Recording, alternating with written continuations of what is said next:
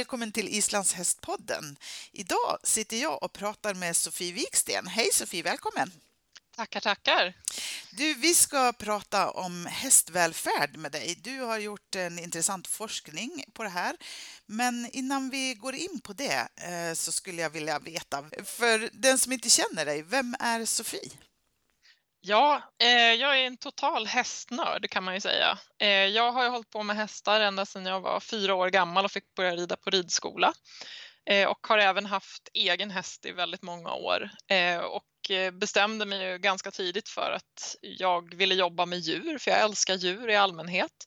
Så jag utbildade mig till biolog och sen så trillade jag liksom in på inspektioner och så och så när jag vidareutbildade mig till eh, miljö och hälsoskyddsinspektör så trillade jag in på Länsstyrelsen och jobbade med djurskydd. Mm. Så att, eh, jag jobbade som djurskyddsinspektör i Stockholms län i, i ungefär två år och sen så började jag av olika skäl tycka att, att det var väldigt tufft, så här, väldigt tufft arbetsmiljö och mycket såna här eh, ganska grova ärenden där polis var inblandad och så. Så att, eh, då fick jag tips från en kollega att de sökte doktorander till SLU mm. och, eh, då, och just på häst då. Och jag eh, tänkte väl liksom sådär att jag skulle nog inte plugga vidare men så lät det så himla intressant så jag sökte faktiskt den tjänsten och så hade jag sån tur att jag fick den. Ja. Så jag fick ju möjligheten då att ehm, börja forska där på häst och skrev ju så småningom då en avhandling som handlar just om att mäta hästvälfärd. Ja, just det. Ja. Precis. Och det var det vi skulle prata om. Men vad, vad innebär hästvälfärd? Vad är det? Ja, eh, man kan säga att hästvälfärd det allting som egentligen handlar om hästens mentala och fysiska hälsa. Så det finns ju ganska många aspekter av hästvälfärd. Det handlar ju dels om alltså så här inhysningar, alltså hur vi håller hästarna, hur vi utfodrar dem, hur hästarna mår, hur de uppfattar det vi utsätter dem för, så hur de mår psykiskt. Ehm, sen handlar det mycket om stress, träningsmetoder, eh, hagvistelse, hur mycket får hästarna utöva sina naturliga behov och sådana saker. Och det som jag är lite mest innördad på det är just etologin, då, alltså det här med hästbeteendet. Det tycker jag är väldigt spännande. Mm. Mm. Vad kul. Och utifrån det här sen då så um, har det kommit en hästvälfärdsbedömning. Precis. Behövs det? Ja, jo, men det tycker jag nog. Ehm, jag tänker att många gånger så är man ju kanske som hästägare eller hästintresserad väldigt liksom mån om sin häst. Att man, man vill ju att hästen ska ha det bra och så. Men det är inte alla gånger man, man använder liksom forskningen som bas ehm, för eh, hur man tittar på hur hästen mår. Utan många gånger så kan man höra att ja, men hästen är glad eller eh, nej, den där hästen har det inget bra. Men, men folk har liksom inte riktigt koll på vad är det egentligen man tittar på och hur ska man bedöma det på ett sätt så att alla ser samma sak. Mm. Och då kan det ju vara jättebra att ha en sån här bedömnings, eh, alltså en checklista eller en bedömningsmetod som stöd så att man vet att det man ser verkligen representerar verkligheten. Så att det inte är en själv som har en uppfattning som kanske inte riktigt stämmer. Ja, Ja. Men vad är Eh, den här hästvälfärdsbedömningen för någonting? Du säger att det är en checklista. Precis, det som jag tog fram då eh, med hjälp av tidigare gjord forskning och sen även anpassning efter svenska förhållanden, det är som en checklista då där man har ett antal vetenskapligt grundade mätmetoder för att titta på i stort sett alla aspekter av hästvälfärd. Så man kollar liksom på allt ifrån inhysningen då, om det är lösdrift eller stall, hur hästen mår, hur hästen ser ut i pälsen, hur hovarna ser ut, om den visar uppenbara tecken på att vara halt, eh, har den tillgång till vatten dygnet runt, hur mycket tränas den? Massvis med sådana saker och sen får man ju då i slutändan ett resultat som visar på om, om hästen har goda förutsättningar eller om det är någonting som inte är bra som man skulle kunna förbättra. Mm. Kommer det att vara uppdelat då i, jag tänker så att man inte får ett, resultat på slutet som säger ah, det är sådär. Mm, eh, att man får reda på, ja det är sådär på just det här mm, området, men det här ja. området är bra liksom. Eller, Precis, Nej, men man måste ju man måste dela upp det på olika områden för att ofta så är det så, de allra flesta stall, alltså alla stall som var med i den här studien som jag gjorde, de hade någon typ av hästvälfärdsproblem. Mm. Men, men, det varierar väldigt mycket vilken typ av problem man har. Mm. Del, och jag kan tänka mig också att det beror mycket på vart man befinner sig geografiskt. Man kan ju till exempel ha problem med mycket insekter på ett ställe medan ett annat ställe kanske snarare har problem på vintern att de har för mycket is, eh, vilket gör att det är svårt att halkbekämpa. Det kan ju vara olika saker sådär. Mm. Ehm, så därför är det ju väldigt viktigt när man tittar på resultaten att man inte bara stirrar sig blind på ja, jag fick 20 poäng i slutet eller så, ja, utan att verkligen, man måste dela upp det på olika delar också för att se vad är det vi behöver göra för att förbättra det här. Mm. Och det mm. kan vara ganska komplicerat att komma fram till det ibland. Mm. Vad, vad skulle du säga är vanliga hästvälfärdsproblem? Finns det några sådana som, som du ser tydligt. Och är det skillnad ja. Eh, mellan olika hästraser eller håll, olika sätt hur man håller det, inriktningar? Ja, alltså just den forskningen som jag gjorde, där var det inte tillräckligt många olika inhysningssystem för att man ska kunna se skillnad, men det finns ju annan forskning på det. Och jag tror att det är olika utmaningar beroende på dels disciplin kan göra en skillnad för att man har lite olika traditioner. Mm. Ehm, och, och sen så kan det också vara att vissa raser hålls på ett visst sätt som gör att man får vissa problem. Men, men, att det skulle vara just på grund av att det är en viss hästras, det tror jag inte riktigt utan det är nog snarare att man av tradition håller hästarna på olika ja, vis. Ja, eh, så att det, men det man oftast ser när man är ute det är ju alltså, alltså beteende beteendeproblem på grund av ofta för lite grovfoder, för lite utevistelse och framförallt för lite social kontakt med andra hästar. Okay. Det är fortfarande väldigt vanligt. Mm, mm. Men du, den här eh, hästvälfärdsbedömningen då, vem är det som gör den? Gör man den själv eller? Ja, alltså man, man kan ju behöva lite träning för att få till en del av de här måtten, men mycket av det som är med i sådana här checklistor, det kan man göra helt själv. Det behöver man ingen, man, får lite, man behöver lite träning så att man gör rätt för att mäta på rätt sätt då. Men i stort sett så kan man ju göra, ja man kan göra hullbedömning och sådana saker. Det kan man ju lära sig via till exempel instruktionsfilmer och så. Eh, och sen så kan man ju kanske behöva hjälp med att ta reda på vad är det jag eh, skulle behöva förbättra. Men alla kan ju göra en sån här checklista för sig själva som de följer och så ska man då titta regelbundet på hästarna och liksom se att det ser bra ut och så. Mm. Den här checklistan som du pratar om, den finns mm. någonstans. Kan man få tag på den? Liksom? Ja, den finns i min avhandling. Nu har den blivit lite uppdaterad och så sedan jag skrev avhandlingen, men den finns där eller så kan man kontakta mig och få ett exemplar. Mm. Och då kan jag också eh, alltså, skri- ja, tipsa om vilka mått är lämpliga att man mäter själv och vilka bör man kanske be någon annan att titta på. För att en fara med att mäta själv det är också att man kanske gör ett lite subjektivt resultat. Att mm. man liksom, nej men min häst är nog inte så tjock eller liksom, Nej, ja, men jag ger nog tillräckligt med grovfoder. Så det kan vara bra också om man till exempel har en granne eller så, så skulle man ju kunna byta. Du kollar på mina hästar så kollar jag på dina. Mm. Kanske inte närmaste grannen då, kanske man Nej, blir osams. Någon, nej, exakt. Men man, det är därför det kan vara bra att ta in oberoende utifrån så att man får lite nya ögon. För ja, en fara som man ser också, det är ju att man blir lite blind för sitt eget. Mm.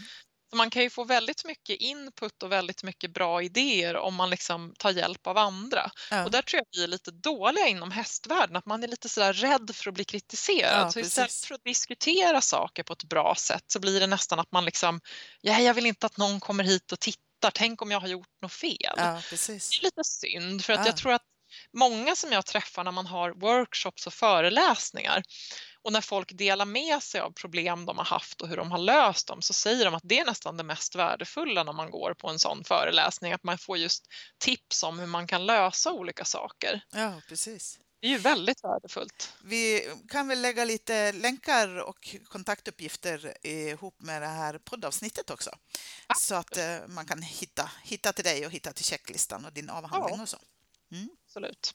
Men du, vi har, du har lite grann varit inne på det redan, hur det går till att göra den här eh, hästvälfärdsbedömningen. Men ja. eh, man, man går alltså igenom den här checklistan. Hur många punkter är den på? Hur omfattande är den? Den är, den är ganska omfattande. Det, totalt så är det 56 punkter. Mm. Eh, men nu är inte alla de applicerbara beroende på vilken typ av inhysning man har och så. För att har man, eh, har man ett stall med boxar till exempel, då kan det vara betydligt viktigare att kolla ventilationen i varje enskild box. Mm.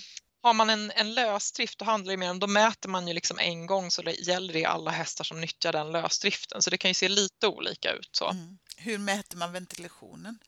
Eh, ja, i, i det här fallet då så använder vi luftfuktighetsmätare när man är inne i stall. Så man har mm. en hygrometer heter det. Så mäter man inomhustemperatur och luftfuktighet i massvis med olika delar av stallet och då får man en uppfattning om hur den förhåller sig till utsidan av stallet och då kan man också se om luften cirkulerar sämre på något ställe. Mm. Sen går man ju även och tittar på alltså vart sitter inluften och vart sitter utluften i stallet.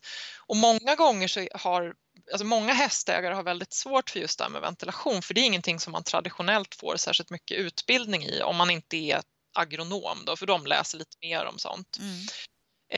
Men så att där kan många tycka att det är krångligt, men det är egentligen ganska logiskt och det finns också väldigt mycket bra instruktioner och böcker kring ventilation i stall.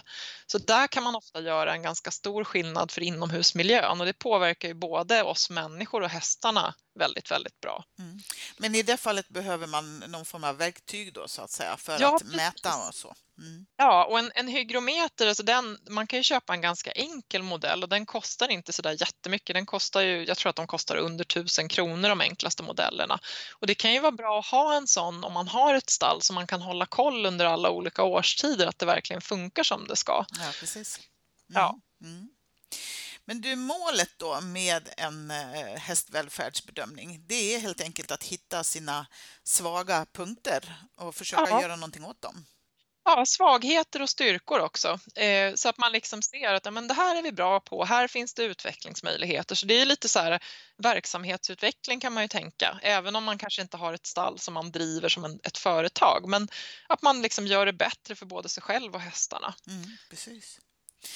Um, vi funderade på det här när man bygger stall så då får man följa Jordbruksverkets ramar. Uh, kan man komplettera med det här på något vis eller kommer det här att komma in i, Eh, i den ramen så att säga? Ja, alltså de här måtten då som, som finns med här, det, det är ju mer för befintliga stall, men däremot kan jag ju tipsa om för att djurskyddslagstiftningen som finns, den kommer ju från regeringen. Sen är det ju liksom så att eh, att det här kommer ut och via Jordbruksverket. Det finns ju på Jordbruksverkets hemsida alla de här reglerna vi har att förhålla oss till. Och det mesta som gäller häststall, det står ju i de här allmänna råden eh, om hästhållning. L101 heter den som saknummer. Den finns på Jordbruksverkets hemsida. Mm. Men det man ska komma ihåg när man ska bygga ett stall, det är ju att den här lagstiftningen, djurskyddslagstiftningen, den är bara ett minimum. Det är ingen garanti på något sätt att det blir ett bra stall, utan det är minimimåtten som man inte får underskrida. Ja, Så ska man bygga ett nytt stall, då är ett väldigt gott tips att titta i eh, eh Svenska Ridsportförbundets anläggningsguide. De har skrivit en guide där jag bland annat har suttit med i referensgruppen Eh, där det står en massa goda råd och tips, fördelar och nackdelar med olika inhysningsformer. Vad ska man tänka på när man bygger? Hur gör man en upp upphandling, när ska man anlita entreprenör, massvis med sådana bra tips.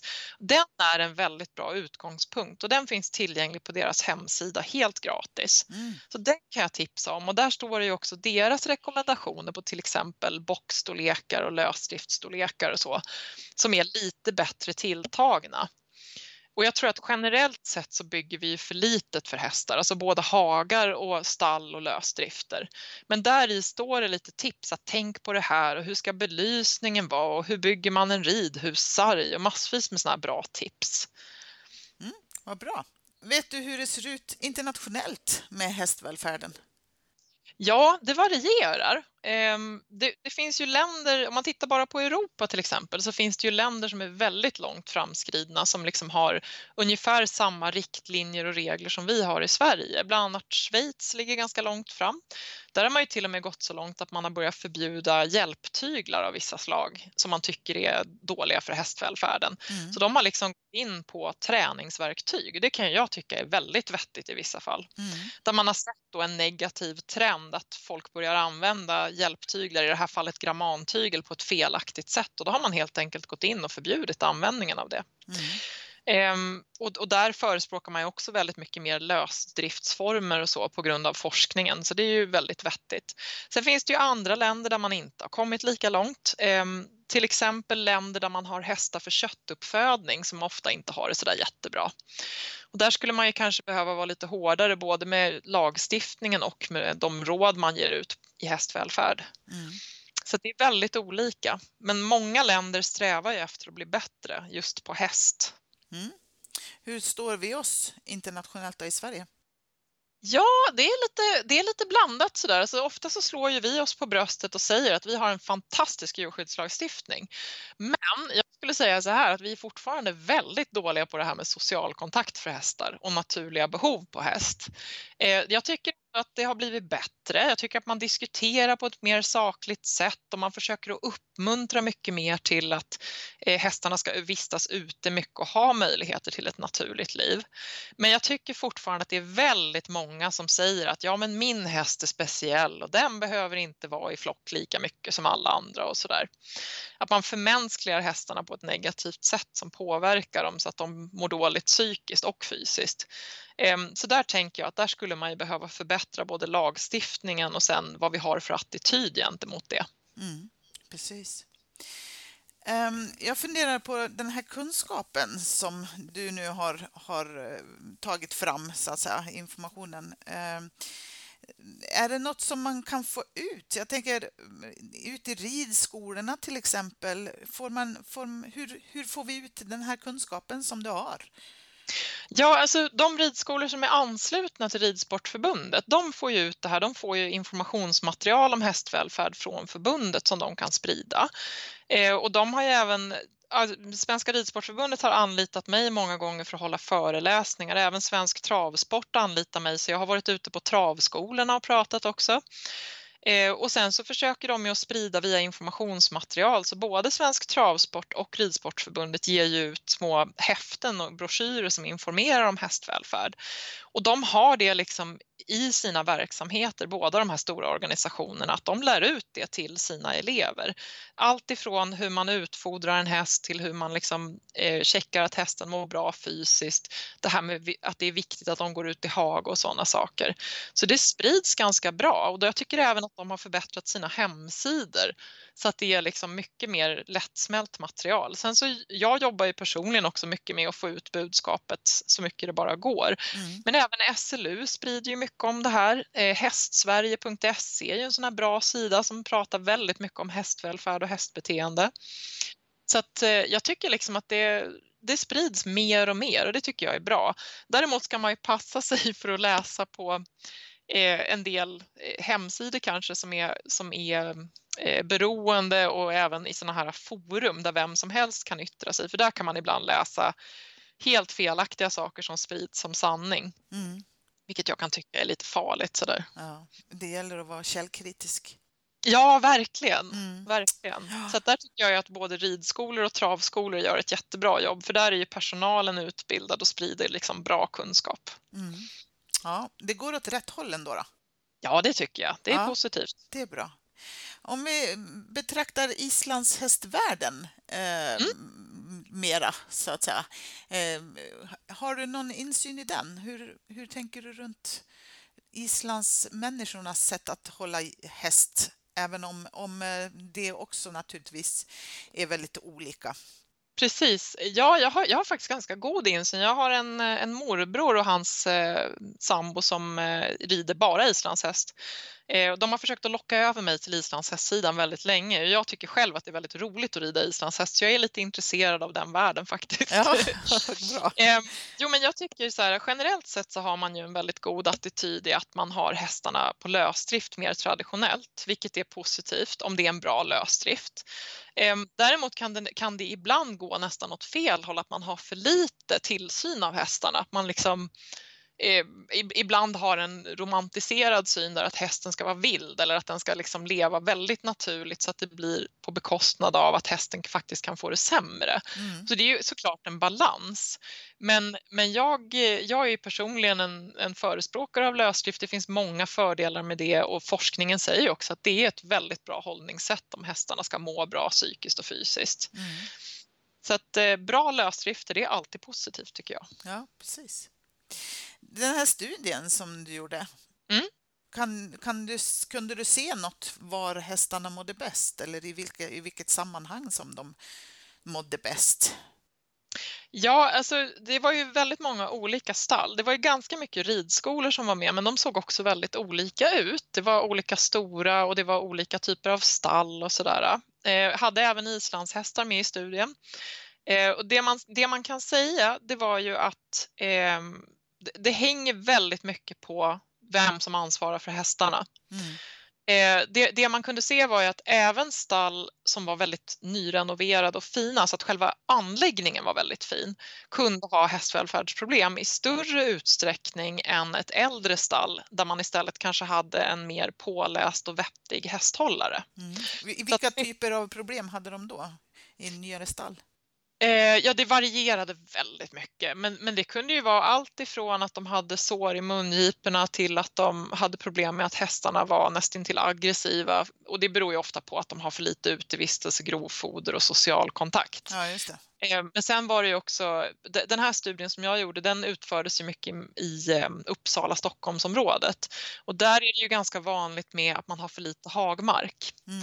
Så det var ju också en del stall hade ju problem med de väldigt leriga odränerade hagar. Eh, och det var ju oberoende för om det var lösdrift eller stall då, upp, alltså boxstall.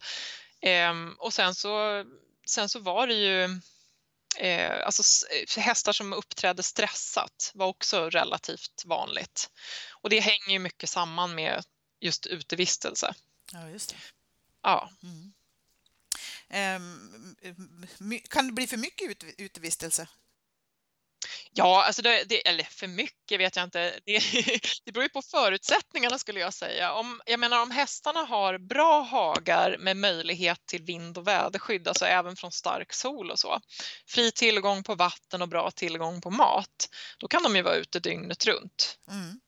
Så att då kan det ju nästan inte bli för mycket utevistelse. Men sen finns det ju också en del hästar som behöver komma in av olika skäl. Att de kanske är sjuka eller svaga eller kan behöva torka upp och sådär. De kanske har några veterinärmedicinska problem.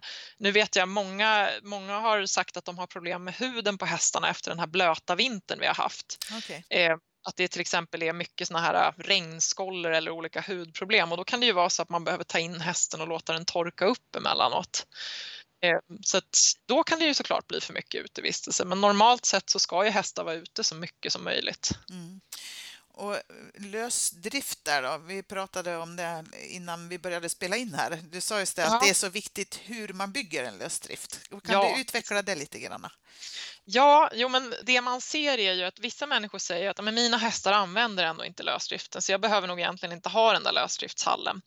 Och då om man tittar på det lite närmre då kan man oftast, eh, då kan man oftast se att det kanske beror på att lösdriftshallen i sig är dåligt utformad. Att det kanske bara finns en öppning så ranglåga hästar vill inte gå in i den för att de riskerar att bli trängda.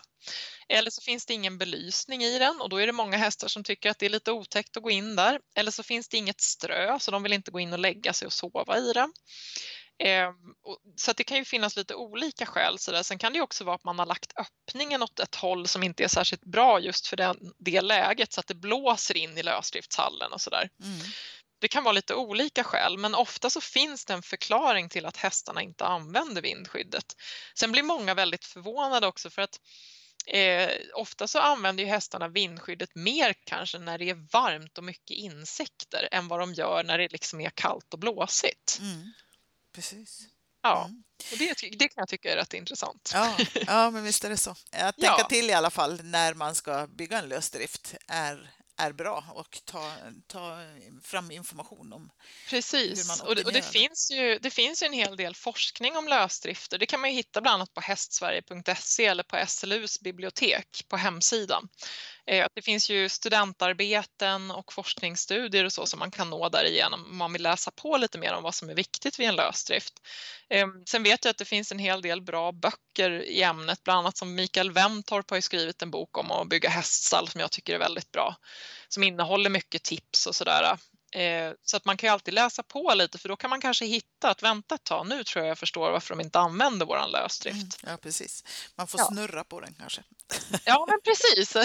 Eller bygga, bygga öppningen åt ett annat håll eller Ja, så. precis. Och så kan man ju kanske, kanske göra så. Ja, vad spännande. Ehm, Du jag är ju också nyfiken på eh, din forskning. Har den väckt nya frågor? Är det något, liksom, något annat som kommit upp i din forskning som du tänker att det här borde man forska vidare på?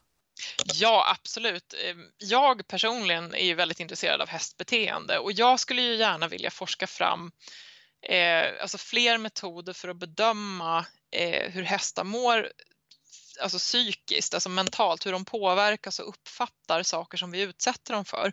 Och gärna då olika träningsmetoder och även hur de uppfattar tävling. Mm. Så det är någonting som jag är väldigt intresserad av. Sen tycker jag alltid att det finns utvecklingsmöjligheter. Den här typen av protokoll som jag tog fram, det är ju ett levande dokument. Det behöver uppdateras hela tiden med ny forskning. Och, och jag kan ju tänka där att jag skulle vilja forska fram metoder som hästägarna kan använda själva. För att en del av sakerna som vi etologer använder när vi gör beteendebedömningar, de är liksom tidskrävande, väldigt komplicerade och så. Mm. Så där skulle jag jättegärna se också att man utvecklade alltså digitala metoder, kanske dataprogram, kameror och så som kan an- hjälpa till att analysera så att man som hästägare kan känna sig lite mer trygg med den bedömning man gör. Så att man får lite stöd i sin hästhållning. Det skulle jag vilja se. Mm. Och jag tycker många gånger att forskningen är liksom, den är uppe på, den är uppe på väldigt hög akademisk nivå. Och det är inget fel med det, men den, den blir oftast inte användbar för gemene man och det tycker jag är lite synd. Ja, precis. Men du kommer du att fortsätta forska då? Ja, det tror jag. Ja. Absolut. Jag har sökt forskningsmedel. Det är lite svårt att få forskningsmedel till beteendeforskning tyvärr. Det är mer populärt att man som veterinär kanske forskar på hältor och sådana saker. Då brukar man kunna få pengar. Men Ja. när det gäller sån här beteendeforskning och hur våra träningsmetoder och så påverkar hästarna så är det tyvärr mycket svårare att få finansiering. Men jag fortsätter att försöka och jag har duktiga kollegor som jag söker pengar med så förhoppningsvis så kommer jag kunna forska inom en snar framtid. Ja, vad spännande. Det, det, Ja. Det hoppas jag verkligen, för som Ja, sagt, tack. det känns verkligen som ett eh, viktigt område att, eh, att eh, få mera kunskap om. Ja, verkligen. Mm. Stort tack Sofie för att du tog dig tid att berätta om det här och stort lycka till i fortsättningen. Tack så mycket Anna, tack för att jag fick vara med.